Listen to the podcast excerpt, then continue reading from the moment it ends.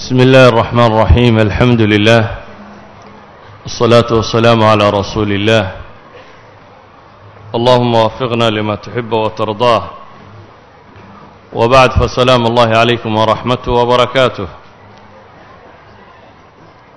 أن waxaan hore uga soo warrannay qiso dheer oo tataarka nimanka la yidhaha ama mongolianiska ku magac iyo dagaalkii ballaadhnaa ee ay dunida ku soo qaadeen siiba dadka muslimiinta ama caalamulislaami afar derisoo hore waxaan kaga warannay laba ahaan dowladdii addowla alkhawaarzimiya ee bariga muslimiinta ka telin jirtay iyo siday cagta u soo mariyeen. Laba derisoo kalena waxaan kaga warannay addowla alcabaasiya oo ah khilaafadii islaamiga ahayd ee markaasi dunida ka telinaysay iyo siday u dhacday. Waxayna ugu dambaysay iyagoo caasimaddii dunida muslimiinta gacanta ku dhigay magaalada baqhdaad la yidhaahdo muslimka looga telinayey dadka badhnaa oo muslimiinta ka midina quustu ay gaadhay inay u qaateen in qiyaamihiiba dhici doono. Marka baqhdaad dagaalkeedii dhammaaday ee aynu tilmaamnay inuu afartan casho markii dadka la leynayay kadib uu amar bixiyey magaaladii markii ay dadkii meydkii iyo wixii qurhmeen ee jawigii isbeddelay ee wabaa xanuuna ka dilaacin inuu ciidamadiisa kala baxo. Waxaa bilaabmay siyaasaddii caalamka ee waagaa in mar labaad haddana dib loo fakero haddii aan eegno caalamulislaami iyo wakhtigaas siduu ekaa laga bilaabo baqhdaad ilaa iyo jayno dacalkiisa laga gaadhayo inta ka dhexe leh tataar baa gacanta ku haya. Laga bilaabo kuriya ilaa iyo bolanda yurub laga soo gaadhayana tataar baa gacanta ku haya. Dunida qicada intaa leeg markaa waxaa ka talinaya dowladdii mongolianiska ahayd ee tataarka ahayd. Xagga muslimiinta markaan eegno ee galbeedka xigay waa wakhti iyana dowla almuwaxidiin ay dumaysay oo ay sii socotay. Oo dowla almuwaxidiin markaasi iyana waa soo burburtay oo andalus qaybo ka mida markaa dib waxa ula wareegay ee dowladihii ee gaalada ee ka jiray. Xaggaana dhanka muslimiinta waa laga soo cidhiidhiyey oo way soo dumaysaa. Waxa hadhay oo quri markaa waxa weeyaan qaybtii uu ka dhintay salaaxaddiin alayuubi ama dowla alayuubiya dowladdii lo odhan jiray. Waxaynu naqaanaa wakhtigan baqhdaad maalinta la qabsaday iyo geeridii salaaxaddiin waxaa u dhexeeya lixdan iyo lix sannadood mise lixdan iyo toddoba sannadood. Salaaxaddiin shan boqol sagaal iyo siddeetankii hijiriyaduu geeriyooday.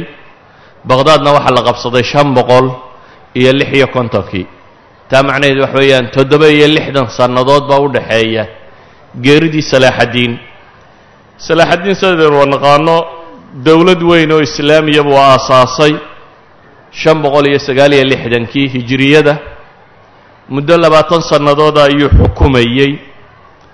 Wuxuu mideeyey markaa caalam aada u ballaadhan oo muslimka ka mid ah.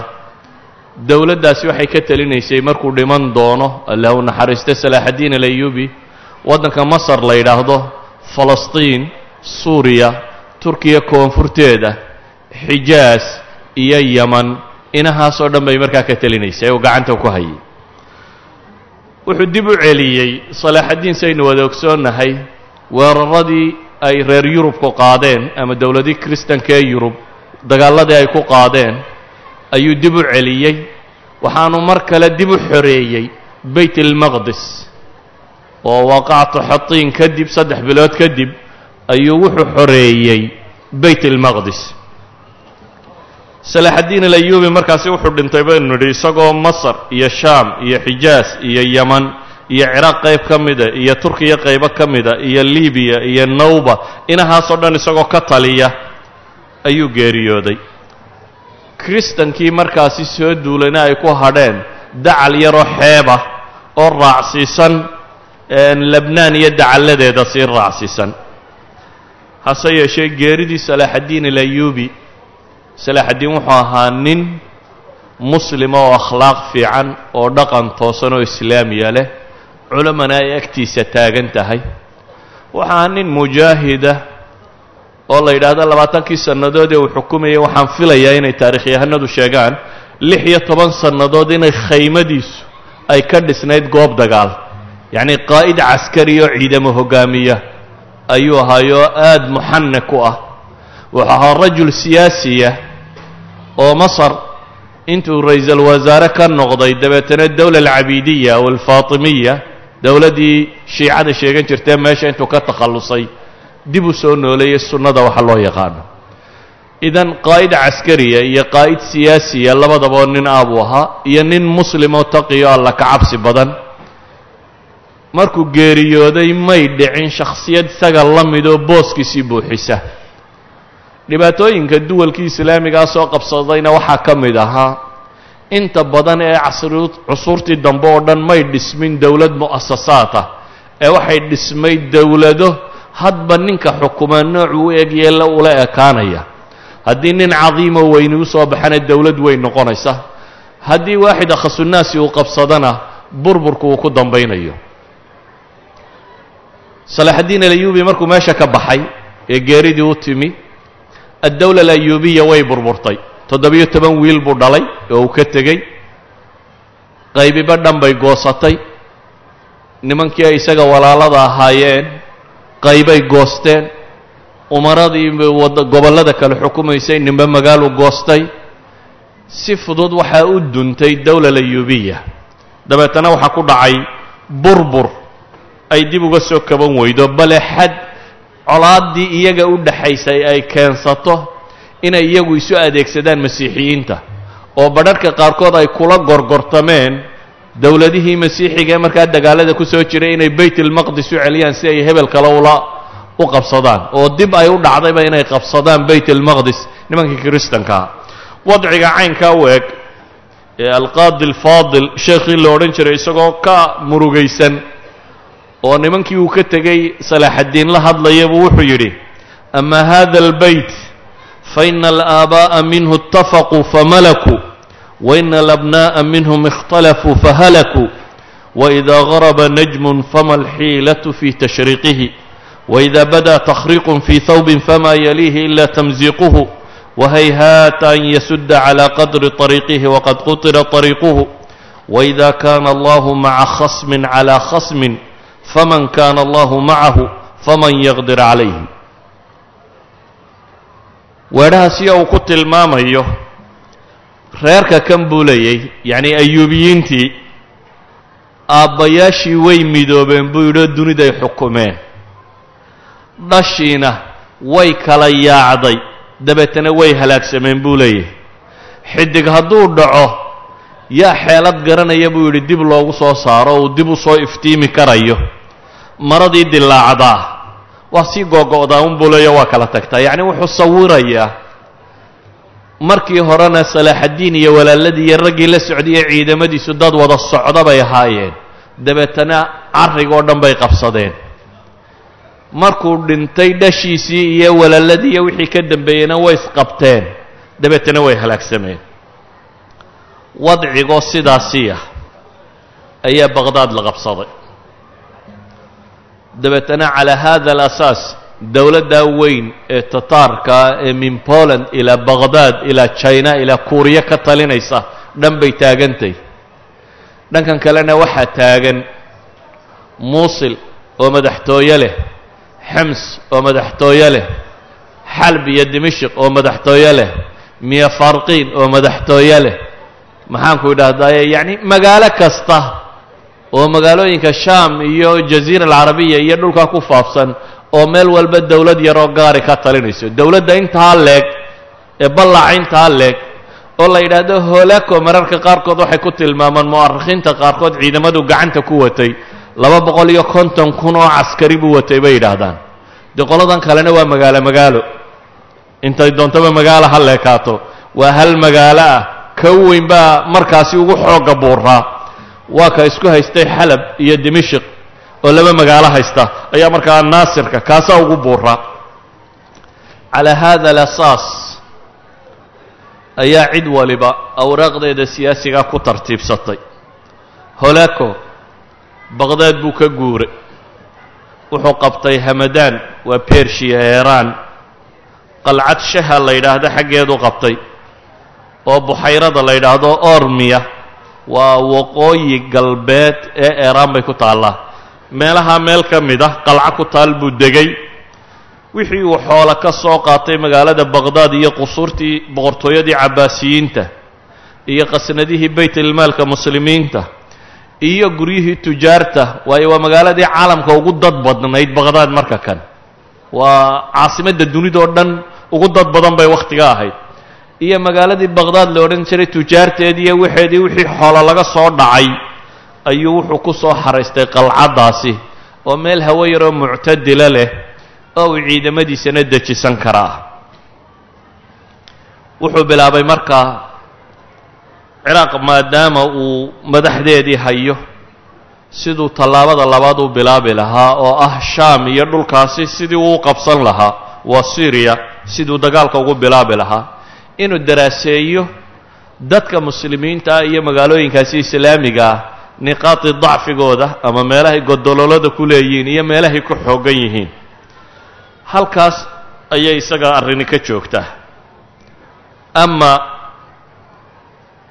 wadciga kale haddaynu eegno.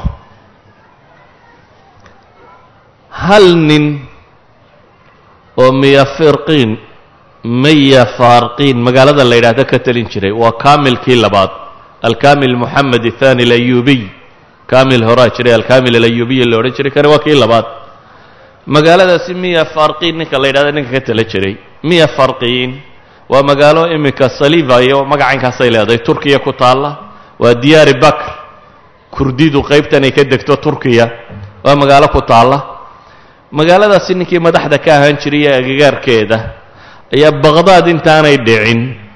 Wuxuu arkay caalamulislaami inuu khatar ku jiro. Dabeetana wuxuu u soo kicitimay ayuubiyiinta raggii ahaa ee kala googo-ay isaguna oo nin ayuubiya inuu midayn karo oo isu keeni karo. Dabeetana wuxuu yimi magaalada dimishq oo caasimadii ugu weynayd markaa shaama dimishq waxaa haysta annaasir annaasir yuusuf alayuubi ninka la yidhaahdo. Ninkaasuu u yimi dabeetana wuxuu ku yidhi ina haؤulaaءi tataar laa tufiidu macahum mudaara walaa tanjax fiihim khidma walaysa lahm gardun ila fi dihaabi اlanfusi wاlistiylaa'i calى اlbilaad wamowlana sulطaan qad badala lahm اlamwaala min sana اثnatayn وarbaciin ilى اlyowm boqorkii meesha tan haystuu la hadlaya wuxuu leeya waar tataarku niman muslaxasho yaqaana ma aha waan kuu shaqaynaya xataa lagagama nabadgala buu leeyahy dan kaloo ay leeyihiin ma jiro inay bini aadamka tirtiraan mooyaane iyo dhulka iyo hantida inay qaataan mooyaane. U fiirsa buu leeyahay boqorkii dowlal cabaasiya haystay. Min lix boqol iyo labiyo afartankii laga soo bilaabo buu leeyahay ilaa iyo hadda oo shanbo yacni lix boqol iyo lix iyo kontonkiiya. Ilaa hadda buu leeyahay xoolun buu waday oo wuu muslaxayay uun muxuu ka faa'iide ka dhacay buu leeyahy waxba lagama helin. War waxaan kugula talinayaa buu leeyahy kalaamu badrudiin ha maqlin. Badrudiin waa muusal kii haystay. Ninka muusal magaalada la ydhaha ciraaq ku taalla haysta badrudiin lu'lu ninkii la odhan jiray khaa'imiinta ugu waaweyn ka tirsanaa. Waar kaa warkiisa ha dhegaysan buu leeyahy ergeyga aad diratay ee wasiirka kuu ah ee la yidhahda azayn alxaafidi isna warkiisa ha dhegaysan buu leeyahy waxay rabaan buu leeyahy inay kaa dhigaan khubs iyo maciish. Raashin la cuno inay kaa dhigtaan bay rabaan buu leeyahy taladaydu waxay tahay buu leeyahy nimankaasi tataarkay u yihiin rusul oo ay iyagay dooranayaane adiga ku dooran maayaan buu leeyahy waxaanay rabaan inay kaa saaraan un boqortooyadaada. Ee nin yahow anigu waxaan go'aansaday inaan dagaalamoo dhinto naftayda ilaahay dartii baan u bixinayaa. Ee ciidamada aan isku darro. Waa baqdaad intaan la qabsan oo baqdaad aan u hiilin noo gargaarna buu leeyahy labadeenna ciidan hadduu israaco inu baqdaad gaadhno waynu dhicin karaynaa baqdaad gacanteennay gelaysaa. Haddii aynu boqorka markaa sultaankii muslimiinta aynu badbaadinno hadhowna dee niman u hiiliyey boqortooyadii islaamigaa baynu noqonaynaa gacan weyn baynu helaynaa haddii aynan ku gaadhinna war waa u aargoynaynaa buu leeyo tataarka waa celinaynaa.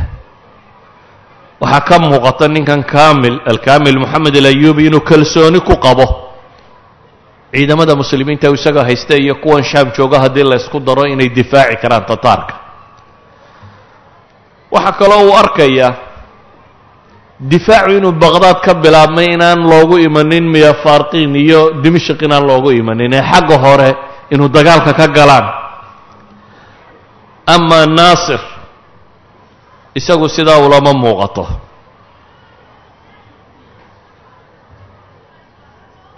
naasir wuxuu arkayaa arrinta arrin ka gedisan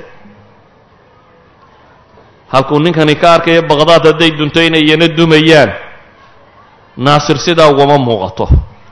Naasir wuxuu isku dayay inuu ciidamadiisa oo nimankii madaxda ahaa soo ururiyo oo war weydiiyo war ninkaasi intaanu inoo imin ma iska celinaa mise waa la shiraa waxaa laga baqayaaba xataa in lala shiro.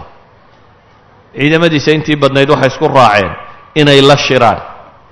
Laakiin kuwii uu ka digayay qaar ka mid ah azayn alxaafid iyo saalix nuuraddiin iyo ashraf ibn lmansuur kii saaxibu xims ka taliya iyo xumus kuwaasi waxay u arkayaan inaan ninkaa lala shirin. Wargaalka weyne hadduu maqlo ninkaasaynu la kulannay inagu inagu durdurinayaa bay leeyihiin haynoo soo dhowaynin isagana. Meesha waxaa jira xisbi hoose oo tataarka la shaqeeya. Tataarku wakhtiga kan waa addawla alcaalamiya alkubra waa alqutb alwaxiid waa dowladda keliya dunida wakhtiga kan ka talisa. Sidaa maanta dowladaha waaweyn ee dunida ka taliya ay u leeyihiin axsaab iyo afkaar waddannada yaryar ka furan oo fikraddooda hirgelinaysa oo wixii iyaga ka soo baxa ku shaqaynayo qaabkaa ayuun bay wakhtiga kanna ahayd. Dowladdii weyneed ee tataarki markaa waxay leedahay rag badan oo afkaarteeda soo dhowaynayo oo leh nimanka ha laysu dhiibo waxbay layna yeeli maayo aan la dhaqanno saaxiib la noqonno halka aan kala wadno. Dad badanoo le baa meesha jira arrintii may dhicin. Ninkii la odhan jiray almelik annaasir wuu aqbalay inuu ninkan soo dhoweeyo inay wada hadlaan laakiin wada hadalkiisii sidii uma muuqanin. Ee waxaa buu yidhi niyo waxaanaad sheegaysaa wax soconaya maaha. Nimankan tataarka aniga weli waaba isku yaro fiican nahay. Adiga cid kuu shafeecda aan diro oo holaaka u tagta oo kaala hadasho adigana inaan waxba lagu yeelin. Dee aan sidaa yeella buu yidhi dagaalkan iyo baabkan aad sheegaysan aan iska dayno. Kaamilkii wuxuu ku yidhi ji'tuka fii amri diini wa tucawidanii canhu biamrin dunawiy amrin diiniy ayaan kuula imi buu leeyahy adna beddelkeeda waxaad iiga warramaysaa. Adduunyo sidii loo heli lahaa baad iiga warramaysaa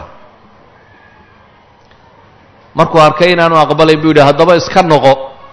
Haddii uu tataarku ku soo doonto markaasaan ciidamo kuu soo diraya. Ku caawiyo oo wax kaa dhiciye. Warkoo halkaa maraya ayaaba baqdaad duntay. Yacni waxaan rabaa intaynan hoolaako iyo socodkiisa ka warramin inaynu fahamno wadcigu halkuu marayay iyo siduu u ekaa qoladanoo wada hadalkaa wadda. Oo nina uu leeyahy war aan jihaad tagna nina uu leeyahy aan kaa muslaxo oo aan kuu soo shafeeco qaado. Ayaaba waxaa yimi khabarka odhanaya baqdaad in la qabsaday. Dee ninkii awalba lahaa aan kuu shafeeco qaado hadduu maqlo baqdaadba waa la qabsaday warkii muxuu noqonayaa waa warcad. Kaamil wuxuu go'aansaday inuu noqdo se uu dagaalamo kooxdanna uu iskaga tago. Noqo markuu is yidhi baa waxaa la kulmay sheekhii la odhan jiray ibnu shadaad ibnu shadaad baa wuxuu ku yidhi alkamil alayubiyi buu wuxuu ku leeyahay inaad melik naasir u timaaddo horta waad asiibtay buu leeyahy fikraddaasi fikrad xun may ahayn.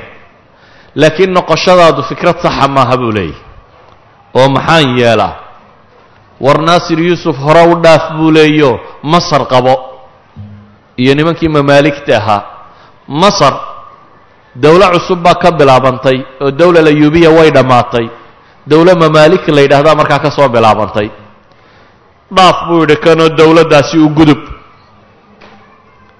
Kaamil baa wuxuu yidhi waxaan ka baqay naasir qalbigiisa iyo baqashadiisa waana col qolada. Ah marka haddaan xaggaa u sii tallaabo inuu isaguba dagaalka nagu qaadaa baan ka cabsanayaa buu leeyahy sidaa awgeed masarna uuma gudbi kara buu leeyahy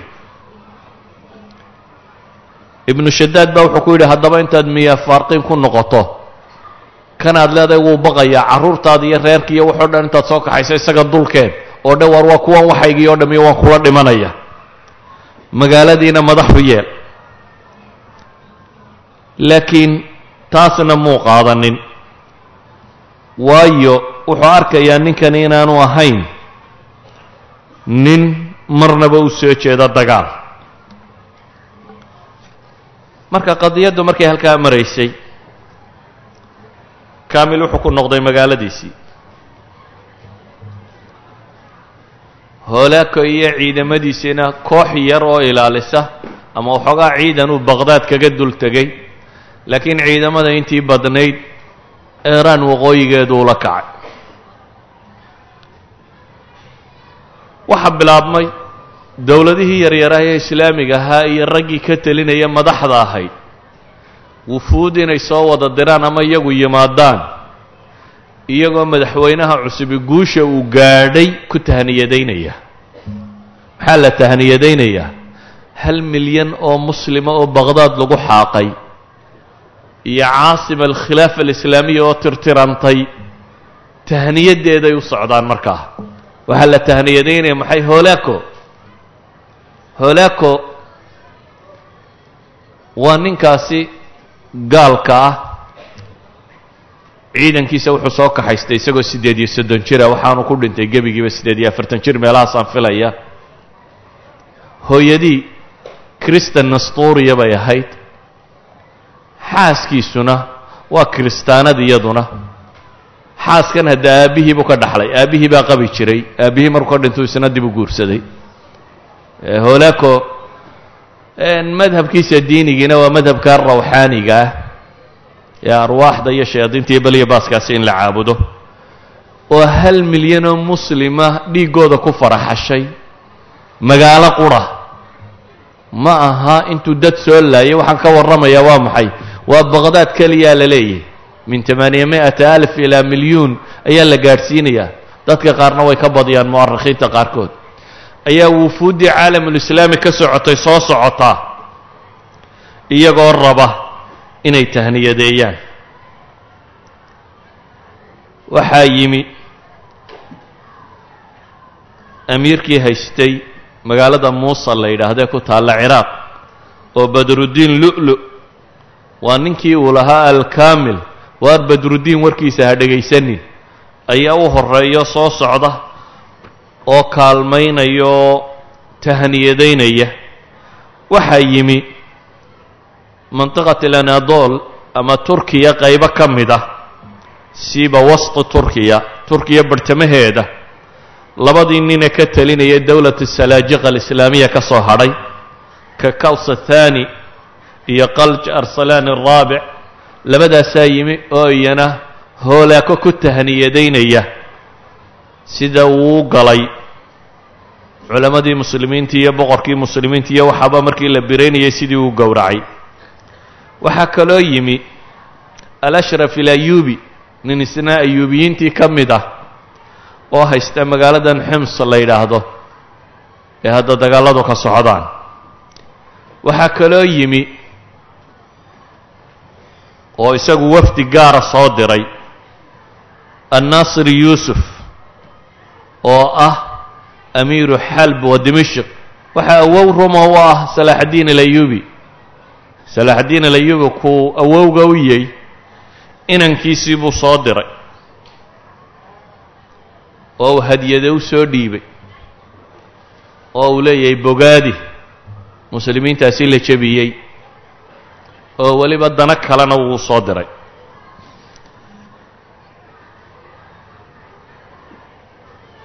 Dadkii muslimiinta ee madaxda ka ahaa ciraaq waqooyigeeda iyo shaam iyo turkiya iyo mandaqada intaa leeg waxay yimaadeen iyagoo holaako ku tahniyadaynaya jabkii uu muslimiinta jebiyey.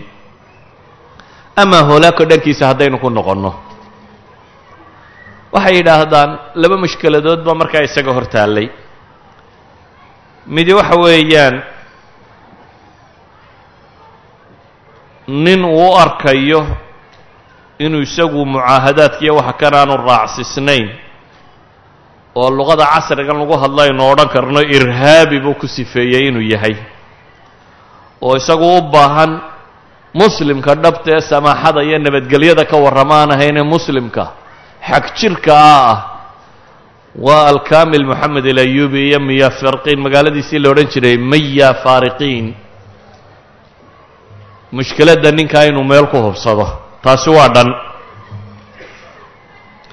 Maya faariqiin magaaladan la yidhaahdo iyo alkamil moxamed alayubi waa inuu meel ku hubsado. Magaalada tani maya faariqiinta lagu sheegayo waa dhulkii cumar bin اlkhadaab furtay cahdi saxaaba siddeed iyo tobankii hijiriyada ayay muslimiintu meesha tan furteen. Waxaanay ku taallaa baynu nidhi buxayrada waan la yidhaahdo ayay ku taallaa dhinaceeda galbeed. Waa sharqi turkiya. Waa turkiga dhankiisa bari bay ku taallaa ninkan kamil moxamed la yidhahdaa markaasi turkiga berigiisa mandiqadaasi siiba mandiqat aljaziira loo yaqaano. Jaziiradu waa labada webi ee dajle iyo furaad inta udhaxaysa inahaas buu ka telinayay. Oo waqooyiga ciraaq oo galbeedka xiga iyo shimaali sharqi suuriya iyo diyaar bakri in ku beegan inaha weeyaan intuu ka taliya ninka kani. Taasi waa mushkiladda koowaad. Oo magaaladaas iyo wixii laga yeelayo iyo ninkaasi. Mushkiladda labaad waxay yidhahdaan waa mushkilad taafih oo ah. Boqorradan iyo waxaan u yimi. Nin waliba wuxuu rabaa meeshii uu haystay inuu daayo oo uu uga wakiil noqdo uun dowladda weyn inuu saaxiib la noqdo wakiil ka noqdo oo meelahaasi ka taliyo. Holako waa nin daki ah. Waxa uu u fiirsaday qadiyaddan siduu u maamuli kari lahaa. Kow ninkan loo taag la'yahay dagaalka doonaya wuxuu go'aansaday inuu u diro rasuul ergey. Ergeyga gaarka ee dowladda weyn ka socda in loo diro. Ergeygan gaarka ahi wuxuu sidaa war sheegaya fikraddan daa'ishka ama fikraddan mintidnimada inuu ka noqdo. Oo dadkii kaleo dhammiba waa kuwaa tahniyadaynaya isa soo dhiibaye isaguna inuu isdhiibka aqbalo ergeyga loo doortay waa ergey gaar ah oo afka carbeed ku hadla laakiin masiixiya. Waa wadaad carbeed oo qisiis ah oo yacquubi la yidhaahdo. Ninka kani dhowr shayba wuu loo doortay. Kow waa nin af carabi ku hadlayo ay isfahmi karayaan alkamil alayubiy oo waxa laga rabo u sheegi kara. Isla markaana dee xarbi nafsiga samayn karoo sheegi kara tataarka iyo xooggooda iyo intay leegyihiin iyo waxay dad soo laayeen iyo bahala cuninayiin iyo niman aan xaggooda dee la eegi karin inay nin sharxi kara weeyaan waa marka labaadee waa nin masiixiya nin masiixinimadani macno kaley samaynaysaa marka kanoo. Waxaa la rabaa in la tusiyo qoladan muslimiinta ah kristanka iyo dowladda tataarkii inay wada socdaan. Ou qadiyaddaana fahmo. Weliba maya farqiin meeshan la yidhaahdo iyo gobolkan uu ka talinaya alkamil moxamed alayubi dowladaha ku hareeraysani dhanka bariga armeniya ka xigta oo boqortooyo kristan markaa ah dhanka waqooyiga waxaa ka xigta corj corj waa georgia oo iyana ah dowlad masiixiya. Maadaama labada dhinace kaleba ay ka xigaan labadan dowladood xagga hoosena oo weliba junuub sharqiyana dee badruddiin lu-lu baa ka xigo waa muusal oo isna waa ninkii hore ee xagga kan tegayey. Dhanka waqooyi galbeedna waxaa ka xiga labadii nine kale iyana dowladda u yimi ee kakos iyo arsalan labadii boqortooye kale ka xiga. Marka wuxuu ku jiraa xero dhammaanteed ah xilfiga holaako waqooyi bari koonfur hawd galbeed dhan walba xilfiga ayaa ka xiga. Mandaqada qurhe u bannaanaan kartaa waa ninkanay isku reerkayiin mandaqadiisu ah in turkiga hoostiisa laga baxo dhanka iyo xalab. Dabeetana dimashik loo kaco. Intaasoo qura. Dee naasir yuusufna isna kama gedisna kuwa kan. Marka wuxuu u eg yahay jasiiro yaroo mu'mina oo ku dhex taalla koox maxaynu nidhaahnaa munaafiqiin iyo gaalays wadata ah ayaa dhan walba ka soo xigta. Kamil wuxuu qaatay go'aan ah inuu dagaalamo. Meel kasta awooddiisu dhigto inuu dagaalamo. Ergeygii la soo diray jawaab wuxuu ka dhigay inuu isaga madaxa ka gooyo. Islaamka ma aha in ergada la laayo hase yeeshee ninka kani wuxuu ku kacay. Ergeygii loo soo diray qisiis yacquubi isagana madaxuu ka gooye marka waa iclaanu xarb waa dagaal baan diyaar u ahay. Hoolaakowe wixii kale aad samaynaysa adugu wareeg hoolaako markii uu ninkani dagaalkaasi iclaansaday ciidan buu diyaariyey. Uu u dhiibay inanuu dhalay oo ashmat ibnu hoolaako la yidhaahdo ayaa ciidan la siiyey. Waxaa la yidhi adugu waxaad u kacdaa maya farqiin magaaladaasi alkamil ilayubi uu haysto ayaa ciidankaasi loo diray. Isla markaa waxaa la amray duwalkii yarnaaye hereeree ka xigay inay dee irhaabigaa dagaalkiisa ka qayb qaataan.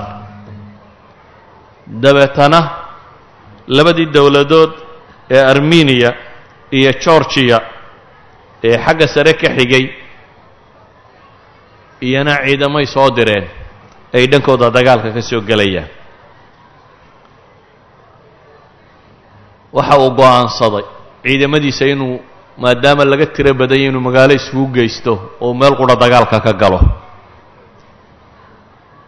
Afar bilood qabsashadii baqhdaad kadib rajab markay marayso ayaa la go'doomiyey magaaladaasi meya farqin la yidhaahdo. Magaaladani way dagaalantay waxaanay go'aansatay inay dagaalka wadaan. Amiirka hoggaaminayaa waa nin geesi ah isla markaasi waa nin gacan furan laakiin waa nin nool duni aqbiyaa ay nooshahay. Madax muslimiin oo magarato ah ayuu ku dhex nool yahay waxa uu go'aansaday markaas wixii uu hanti haystay. Intuu dadka isugu yeedho inu idhahdo waxaan adduun hayo o dhan waan ka baxay. Hadday dahabtiiyo hadday fidata iyo hadday makhaasin tahay ma magaalada hala difaacdo xoole waxaynu haysanay waa kuwa kan. Dadka oo dhammina waxay aqbaleen inay dagaalka la qaataan. Qoladii gaaleedna waxay qaadatay go'aana inaanay isku maqiiqin meesha tan ee inay go'doomiyaan xisaar in la saaro xisaar baa la saaray. Ciidamada uu wato ninkan alkamil moxamed waxaa ku jira bay idhaahdeen laba nin oo farisiyiinah yacni laba faris ama laba dagaalyahan oo ciidanka tataarka aada u dawakhiyey. Xamlaad aada u adag oo ku dhufo ka cararana ku qaaday. Waxaa aada ugu adkaatay tataarka inay magaalada tan galaan laakiin dhanka kale waxaa u fududaatay go'doomintu inay mid dhaban noqoto.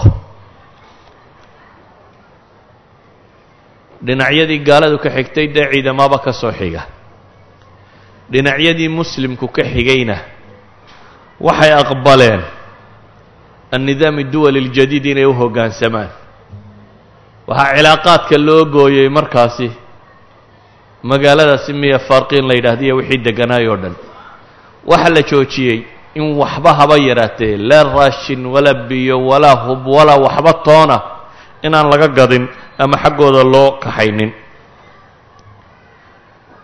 Shacab iyo ummadiba isku raacday yacni waxaan rabaa inaynu ogaanuun taariikhdu mar kasta oo muslimiintu ay daciifaan iimaanku uu liito mabaadi'du ay lunto waa nafsuha taarikhda idinku nooshin waxaa maqlayseen ciraaq baa la go'doomiyey muslimkuna waa la go'doomiyey raashinka iyo wax walba. Waxaa maqlayseen khazaa la go'doomiyey raashinka iyo hubka iyo wax walba waa loo diiday. Dowlad weyn oo dabaabayaal iyo kaarayaal iyo dayaarada wadataana waa garaacaysaa waa tumaysaa.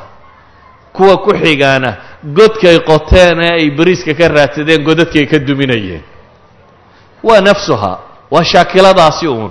Marka kan addawla alkubraa maraykan maaha addawla alkubraa dunida markan ka talinaysaa waa mongolian waa dowladda tataarka duwalka yarar ee muslimiintuna waa tuulo tuulo waa ximis iyo muusul iyo xalab iyo dimashq iyo maardiin iyo waa magaalo magaalo waa sidaa iminka u yihiin un gobol gobolka yaryar iyo waxa yaryar waxaa la amray markaasi cunaqabatayn in la sameeyo cunaqabatayntaa cid dumin karta ama ka hortegi kartaa ma jirto caalam alislaami dowladihii yaryaraaya ee dhamoo joogay waa isku raaceen waxaa iska macruufa wakhti kasta sida ay u jiraan dad muhabitiina oo dadka niyaddooda jabiya oo dib u dhiga oo yidhaha wax layskama celin karo oo in laysdhiibaa roon oo kan waxaa akhriya.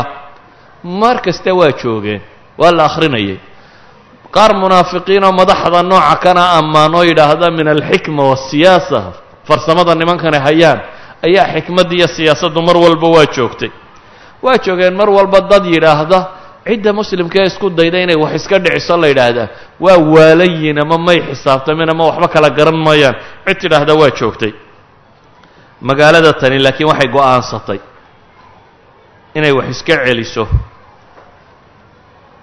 Waxyaabaha aadka u cajiibkaa markaa waxaa ka mid ah taarikhyahanadu ay sheegaan dadka qaar waa la fahmi karaa bay leeyihiin baqaa iyo waxa ku kalifay. Waxaa ka mid ah muusalkaa haystee badrudiin lu'lu ah iyo salaajiqada madaxdoodii qoladii turkiya ka talinaysay kekawsathani ama qalj arsalani raabica kale. Laakiin waxay leeyihiin ceebtiisa waxa aan la aqbali karin ee la qaadan karin. Waa ninkanay ninkana isku reeriyiine shalayna uu yime u lahaa waraan kula difaaca waddannada ee ila difaaca ee lahaa ciidan baan kaa soo daba diri doonaa iska noqo annaasir yuusuf alayuubiy oo labadii magaale ugu xoogga badnaa ama ciidamadii ugu xoogga badnaa markaa isagu haysta. Muu eegin diin iyo caqiidadii kala dhexaysay ma eegin jaarnimada iyo waxa kala dhexaysa ma eegin bucdiga istraatiijiga iyo haddii kan la soo cuno in isagana berrita la cuni doono. Intaa waxa u dheer labada ninba waa ayuubiyeen waa isku one family muu eegin qoladan la bakhtiinaya isla faamiligiisii inuu yahay. Shalay baana awowgood dhintay. Salaaxaddiin alayuubi waxaasoo dhan ma eegin isagoon salaaxaddiin alayuubi toddobaatan sano weli ka soo wareegin ayuu xaalku halkan maraya. Alkaamil ninkani waa kii yidhi marka lagu weeraraabaan kuu soo hiilinaya nujda iyo kaalmu ka dalbaday se waa diiday inuu u gargaaro wax kaalmaa inuu u diro. Waayo kumaba fakerin marnaba inuu da dagaalamo. Bal eh dee wufuudda raggii dirayay buu ka mid ahaa. Inuu ninkan u gargaaro daayo wafduu diray. Uu madax uga dhigay inankiisii alcasiiza lo odhan jiray. Oo hadiyada hoolaaka ugu sii dhiibay. Hadiyadaha iyo bogaadinta muslimka laynteeda markuu sameeyo kadib codsina wuu u dhiibtay hoolaako. Uu leeyahay qolo xaggan iga xigtoo masar la yidhaahda baan rabaa inaan ku duule eh. Waxaan rabaa dee dowladda weyne inay caawiso qolada tani la qabato. Bal waalida arag adigu muslimka xaggan laga soo xaaqaya kaydadiisu xigeen baa hadda xisaar ku jira. Isna gaalku wuxuu weydiisanayaa in madad la siiyo qolo kaloo muslimiin oo masar la yidhahdo xaggan ka sii xigta dowlat almamaalik inuu ku duulo laakiin dee nimankan siyaasiyiinta ee waaweyne markaa dunida ka talinaya ninkan nacasnimadiisa wuu fahmay. Holaco holaco wuu xanaaqay. Wuxuu ka xanaaqay. Sidee iyadoo madaxdii waddannadu ay imanayaan oo lay bogaadinayo oo lay tahniyadaynayo aada adigu inankaaga u soo dirtee tahniyadda adigu aada uga soo qaybgeli weyday. Mas'aladaa holaaka wuxuu u arkay inaanay sha'nigiisa weyn wax u cunta ahayn nooc min xaqiraada inay tahy dowlati tataari alkubraa inuu u soo diro dimashq iyo xalab ninka haystaa inankuu dhalay wax cuntamo maaha. Muu liqin arrinkaa iyada dowlad kalean ku sii duulayaa ee caawadaba intaan la islaba gaadhin may tani u cuntamin sidaa daraaddeed holaaka warqad buu qoray waa naasir yuusuf uu u dirayo. Waraaqda maxaa ku qoran? Waxaa macruuf ah. Holaaka af carabiga ma yaqaano. Mongooliyana carabiga laguma yaqaano. Laakiin meel kasta kuwa aftahano oo turjumaano oo munaafiqiin oo aduba oo luqada yaqaano wax walba yaqaanaa hoos ordaya. Waatan warqaduu qoray bal holaaka warqadiisa u fiirso. Naasir yuusuf wuxuu leeyahy halay caawiyo. Hoolaanka jawaabtan buu u diray. Aladii yaclam bihi اlmeliku naasir saaxibu xalb ana qad fataxna baqdaada bisayf اllahi tacaala waqatalna fursaanaha wahadamna bunyaanaha waasarna sukaanaha kama qaala allahu tacaala fi kitaabihi اlcaziiz ina almuluuka ida dakhaluu qaryatan afsaduuha wajacaluu acizata ahliha adillah wakadalika yafcaluun واstaxdarna khaliifataha wasأlnahu can kalimaati fakadab fawaaqacahu الnadm wاstawjaba mina اlcadam wakana qad jamaca dakhaa'ir nafiisa wakanat nafsuhu khasiisa fajamaca almaal walam yacba biاlrijaal wakana qad namaa dikrah wacaduma qadarah wanaxnu nacuudu biاllahi min altamaami walkamaal ida tama amru danaa naqsuhu twaqc ziwaala ida qiila tama ida kunta fii nicmati farciha faina almacaasi tuziil الnicma wakam min fataa baata fii nicmatin falam yadri bاlmowti xataa hujima ida waqafta calى kitaabi hada fasaaric birijaalika waamwaalika wafursaanika ilى طaacati sulطaan اlأrض ta'man shara watana alkhayra kama qaala اllahu tacaala fi kitaabih اlcaziiz waan laysa lilinsaani ila ma saca waana sacyahu sawfa yuraa uma yujzaahu اljazaaء lawfa. Waa waa waraaqda qur'aanku ku qoran yahay hoolaakay ka socota hoolaako wuxuu ogyahay nimankuu la hadlayaa noocayiin saa daraaddeed wuxuu diray waraaqda uu leeyahay. Wuu og yahay buu yidhi boqor naasir oo xalab ninka ka taliya ahi inaannu baqdaad ku furannay seeftii ilaahay buu leeyahay. Oo aannu geesiyaasheedii laynay oo aannu dhismaheedii duminnay oo aannu dadkeedii maxaabiis ka qafaalashiya maxaabiis u qaadannay. Sida ilaahayba qur'aanka ku yidhi buu yidhi boqorradu hadday magaalo galaan waa fasaadiyaan oo dadkeedii madaxda ahaa bay duleeyaan. Wakadalika yafcaluun waannu u yeedhnay buu yidhi boqorkeedii su'aalaannu weydiinnay been buu noo sheegay dabeetana bel ayaa qabsatay buu leeyahy waxaanu naga mutay dil buu mutay buu leeyahy xoolo badan buu urursaday naf liidatuu ahaa buu leeyahy xooluu ururiyey ragse muu dhaqan buu leeyahay. Xoolaha raggii ilaalin lahaa muu dhaqanin buu leeyahay. Magiciisaa weynaaday sharaf buu yeeshay. Ilaahayna waxaanu ka magan gallay buu yidhi dhammaystiranka dabadeed nuqsaanta timaadaan ka magan galay buu leeyahay. Dabeetana gabay buu tirinayaa. Masaladaa ka warramaya wax waliba hadday kaamilka gaadhaan kamaalna yeeshaan inay dhibaata ku dhacdo. Kadib buu wuxuu leeyahay hoolaako waraaqdaydaasi hadday ku soo gaadho fasaaric birijaalika waamwaalika wafursaanika ilaa taacati suldaani alard la soo deg deg buu leeyay. Waxaad rag iyo xoolo iyo geesiyaal iyo farda haysataba soo kaxee oo degdeg ugu kaalay buu leeyahy boqorka dunida ka taliya. Markaasunbaad sharkiisana ka nabadgeli kartaa khayrkiisana heli kartaa. Sida ilaahay baa qur'aanka ku sheegay buu yidhi waan laysa lilinsaani ilaa maa saca. Bini aadamba miyuu leeyahy wuxuu shaqaysta mooyaane wa anna sacyahu sawfa yuraa wuxuu shaqaystana waa u arki doonaa uma yujzaahu ljazaaء lawfa walaa tuca marna buu yidhi hays hortaagin ergeyga aan kuu soo diray sidaad ergeygii hore aanad isu hortaagtay aad u iman weyday dabeetana wuxuu ugu qoray faimsaakun bimacruuf aw tasriixun biixsaan waqad balagana ana tujaaru shaami wagayrihim inhazamuu bixariimihim ilaa misr weliba buu leeyahy waxay soo gaadhay. Tujaartaadii waxaysatay qaar badan oo ka mida inay carareen oo xoolihii iyo dumarkii iyo wixiiba ay qaateen oo masar ay u carareen. Waana waaqaco jirta ay culammadu yidhaahdaan. Fain kaanuu fi ljibaali nasafnaaha wain kaanuu fi lardi khasafnaaha. Waxaasii yaacoo dhammi buu yidhi hadday buura fuulaanna buuraha waan afuufi doonaa way bidi doonaan buu yidhi.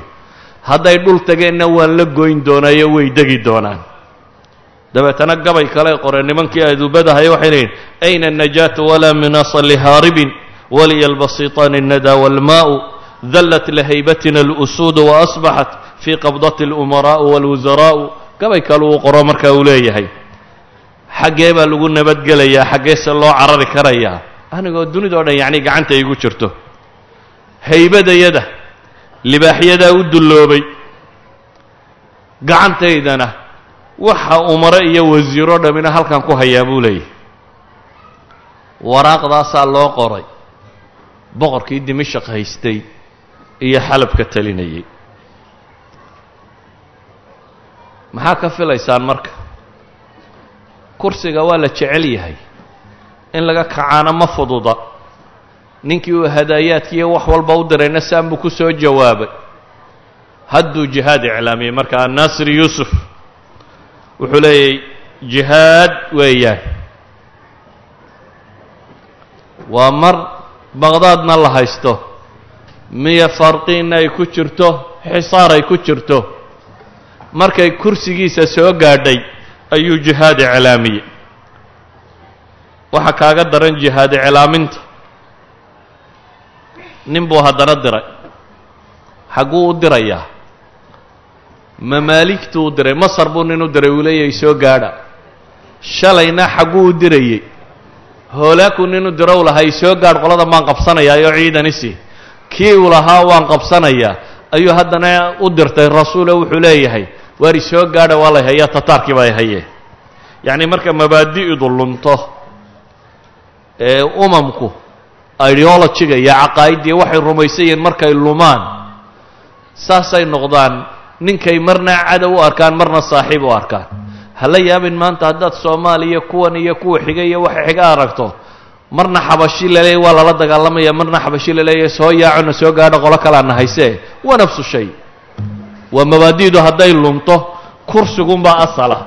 Kursigaa wixii uu ku nabadgelayo haddii gaal la keeni kara iyo haddii muslim la keeni karaba wixii kursigaa ilaalin karaya waa la keenaya. Hadda ninkan odaygaa agtiisa jihaad baa ka iclaansan. Caamadana barh baa loo sheegayaa in jihaadkaasi la galo. Annaasira yuusuf magaalada ku xigtay wuu go'doomiyey oo raashinkuu ka jaray. Wax walbana wuu diiday ninkay tolka ahaayeen. Haatanna jihaad buu iclaamiyey. Dadkii barh baa xamaasaday qaadoo aqbalay waayo dadka waa muslimiin. Isla markaana gaalkan tataarkaa ma rabaan agtoodana waa ku adagtay in gaal uu xukumo. Bulshadii barh baa aqbashay. Dabeetana dagaal baa loo diyaar garoobay. Laakiin dagaalku dhab ma ka yahy naasir yuusuf. Dagaalku dhab ma ka yihi su'aal isweydiin la weeyaan.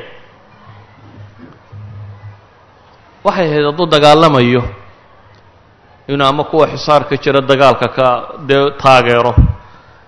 Ama bal sidii kale uu dagaal u geli karo bal u fiirso haddaba say taarikhyahanadu sheegayaan waxay dhahaan ciidan buu ururiyey. Ciidanku wuxuu ku ururiyey barza tuulo yaroo la yidhaahdo dimisha ku xigta. Ayuu ciidankiisi isugu keenay. Dee waxaanay ahayd xaguu ka taliyaa. Ma dimashik buu ka taliyaa mise ilaa xalab buu ka talinayay. Waxay ahayd inuu xalab xagga shishe ka maro. Waayo tataarku waxay go'aansadeen dhanka sare inay ka soo galaan. Iyadoon qadiyaddaa markaan ka warramayo hoolaaka iyo sheekadiisa tilmaami doono. Laakiin xalab kamuu difaac geline waddankiiba intuu ka soo kacay buu wuxuu yimi maxay? Dimashik duleedkeeda tuulo yaro ku taalla ayuu ciidanka ku ururiyey si uu halkaa uga dagaal galo. Waxa uu sameeyey marka amiiradii kale meelahan daadsanay ee ayuubiyiintaha buu waraaqa u qortay amiiru kark. Kark waa albaxr ilmayit bay bariga ka xigtaa waa urdun qalco weynoo ku taalloo macruuf ahayd waa isna caa'iladdaa mid ka mid ah. Almuqiid fatxuddiin cumar nin la yidhaahdo ayaa ka taliya kaasuu u qortay. Uu leeyahay soo gaadh. Kanina waa nin shaakiladiisa marna yidhaha waan dagaalamaya marna dagaal ka baxa marna ku duula masar marna ka soo noqda. Intaa markuu sameeyey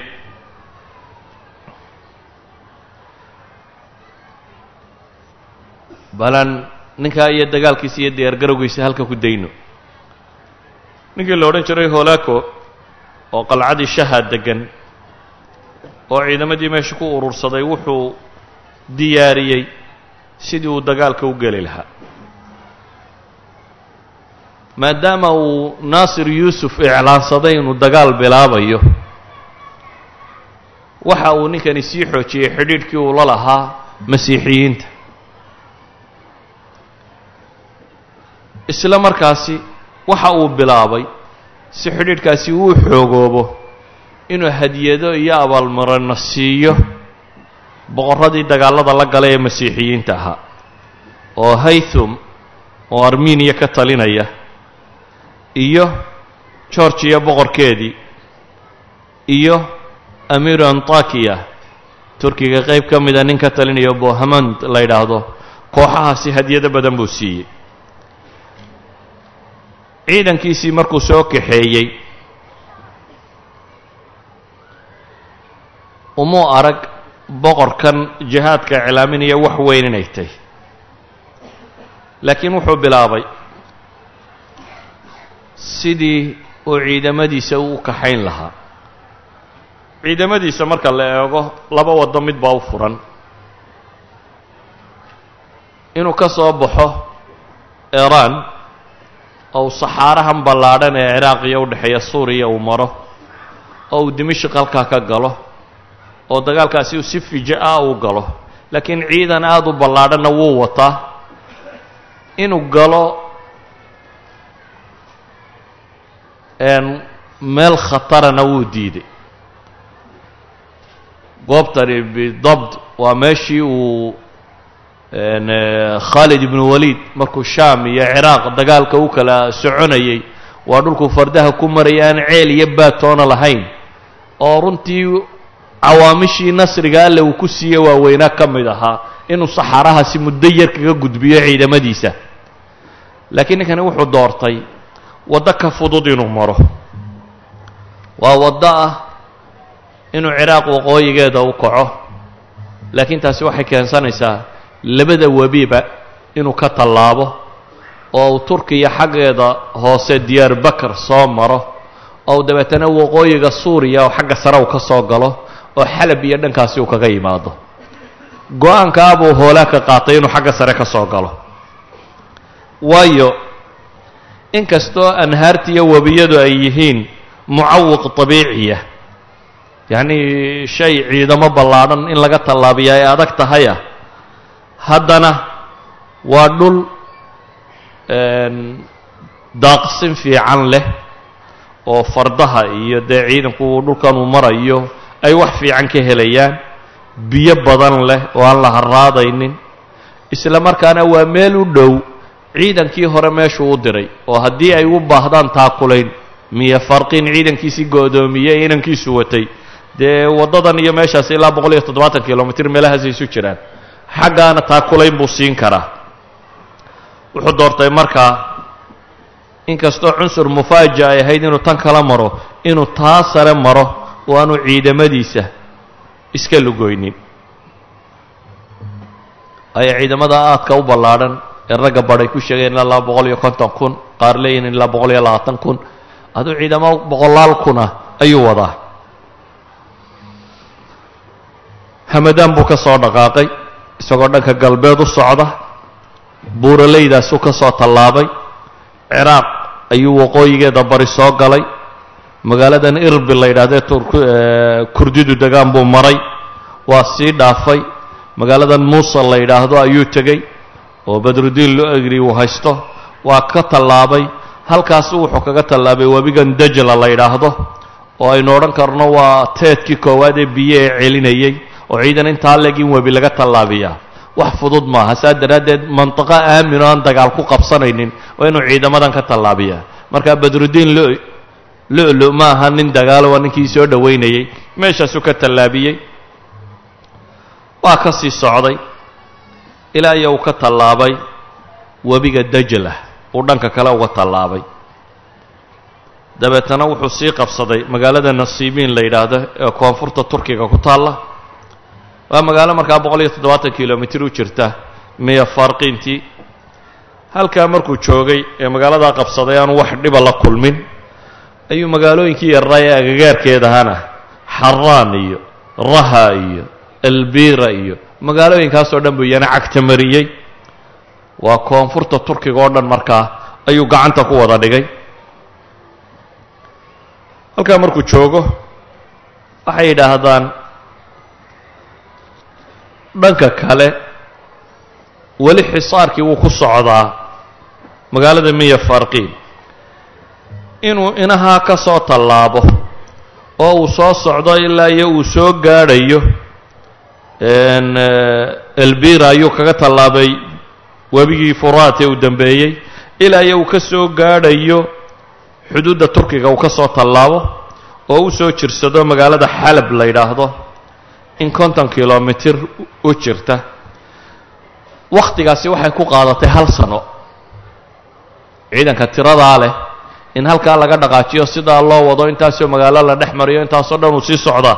Waxay ku qaadatay hal sano muxaram marka ay marayso lix boqol konton iyo siddeeddii ayuu wuxuu bilaabay inuu square ka qabto magaalada xalab la yidhaahdo.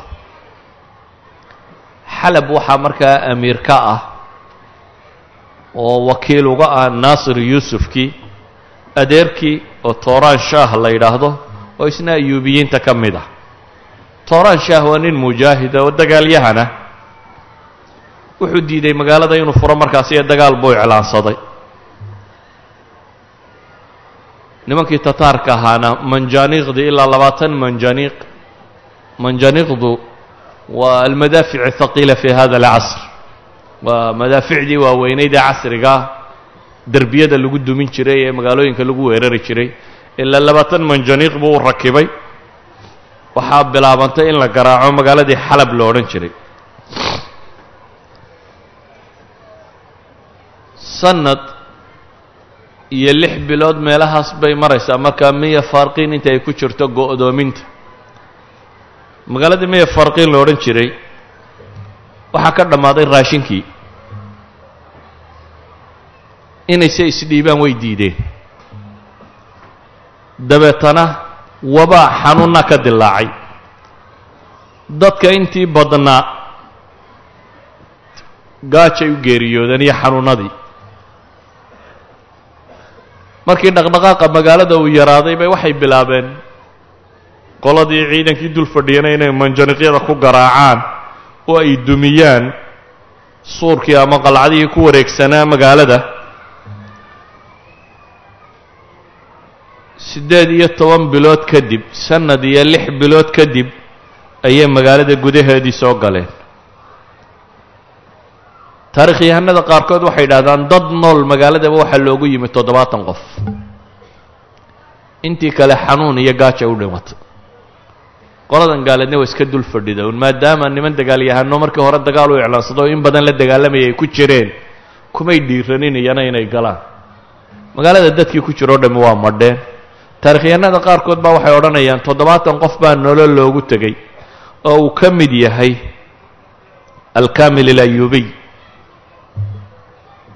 alkamil moxamed alayubi uu ka mid yahay ayay nololba isaga ku soo qabteen. Markay nolol ku soo qabteenna waxay go'aansadeen in loo diro hoolako hoolaka loo soo diray markaa hoolaka oo xalab isku weer ka haya ayaa waxaa loo keenay iyadoo la sido. Ninkii la odhan jiray alkamil moxamed alayubi. Waxay dhahdaan markiiba may dilin. Ee magaaladii uunbay baabi'iyeen guryihii way gubeen derbiyadeedii waa dumiyeen wixii qalcad iyo suur ku yaallay waa la dumiyey. Ninkanna maxbuusnimaa loo hayaa maxaa ay u dili waayeen markiiba waxay leeyihiin lacalla inuu rabay ayuubiyiinta kale inay isdhiibaan oo kan ximis jooga iyo kan dimashq ka dagaalamay iyo xalab towraan shaahan jooga iyo nimankan meelahan ku jiro o dhan ninkan waa isku family. Marka maadaama oday odayadoodii ka mida gacanta lagu hayo inuu noqdo kow cunsur mufaawadaat. Wax haddii iyagaba wax laga qabto ay ku mufaawadoon karaan. Waa marka labaade inuu sugo inta ay wax iska beddelayaan warkii ahaa markuu yimi in magaaladii miyafirqiin la qabtay ninkii odayga ahaana la soo qabtay magaaladii la odhan jiray xalab way niyad jabtay waxaanay u arkeen iyaguna inaan wakhti u hadhin. Waxaanay go'aansadeen meelaha qaarkood inay albaabada isaga furaan oo la soo daayo. Laakiin tooraan shaahoo zaciimkoodii isagu wuu diiday. Fikraddaa wuu aqbali waaye markuu arkay in wixiiba jabeen oo aan wax weyni jirin ayaa waxaa la bilaabay. Ninkan odayga ee la qabtay in tacdiib loo bilaabo. Holaaka wuxuu amray in la xidhxidho marka la xidhxidho kadibna isagoo nool hilibkiisa in la googooyo kadibna in isaga la cunsiiyo. Isagoo nool baa la xidhay salad baa kolba la soo jaraa afkaa laga geliya isagaa la cunsiiyaa. Sidii sidaa loogu waday buu ku dhintay. Alkaamil moxamed alayuubi isagoo xidhxidhan oo hilibkiisa la cunsiinayo ayuu raximahu llah isagu geeriyooday. Laakiin kuwo badan oo aynu ka warrami doonnaa iyagu waxay geeriyoodeen iyagoo dulliya annaasir yuusuf xagga dambaan ku tilmaami doonaa siduu ku geeriyooday isagu. Laakiin ninkani isagoo shahiidoo dagaalamaya oo sharaftiisa iyo diintiisa iyo dadkiisaba difaaciyuu geeriyooday. Ilaahayna qur'aanka wuxuu ku leeyahy walaa taxsabana aladiina qutiluu fii sabiili اllahi amwaata bal axyaaءun cinda rabbihim yurzaquun farixiina bima aataahum allahu min fadlih wayastabshiruuna bladiina lam yalxaquu bihim min khalfihim alaa khawfun calayhim walaa hum yaxzanuun yastabshiruuna binicmati min allahi wafadl waana allaha laa yudiicu ajra almu'miniin geerida waa loo simayo waa la wada geeriyoonayaa laakiin waxaa kala gedisan qof soo jeedo dantiisa iyo diintiisa iyo dadkiisa iyo ummaddiisa difaacaya inuu geeriyoodo iyo qof daliilah oo isdhiibay oo dulloobay oo haddana dullinimada ku dhintay aad bay u kala fogyihin waxa aan wax badan sii joogin markaa inay isdhiibto xalb oo albaabada ay furaan. Laakiin uu diido amiirkii ka talinayay oo ah towraan shaah sheekh xuseenna hadduu halkan soo fadhiistay male wakhtigu uu dhan yahay. Halkaasay inoogu joogaysaa. Wasalaamu calaykum waraxmat ullah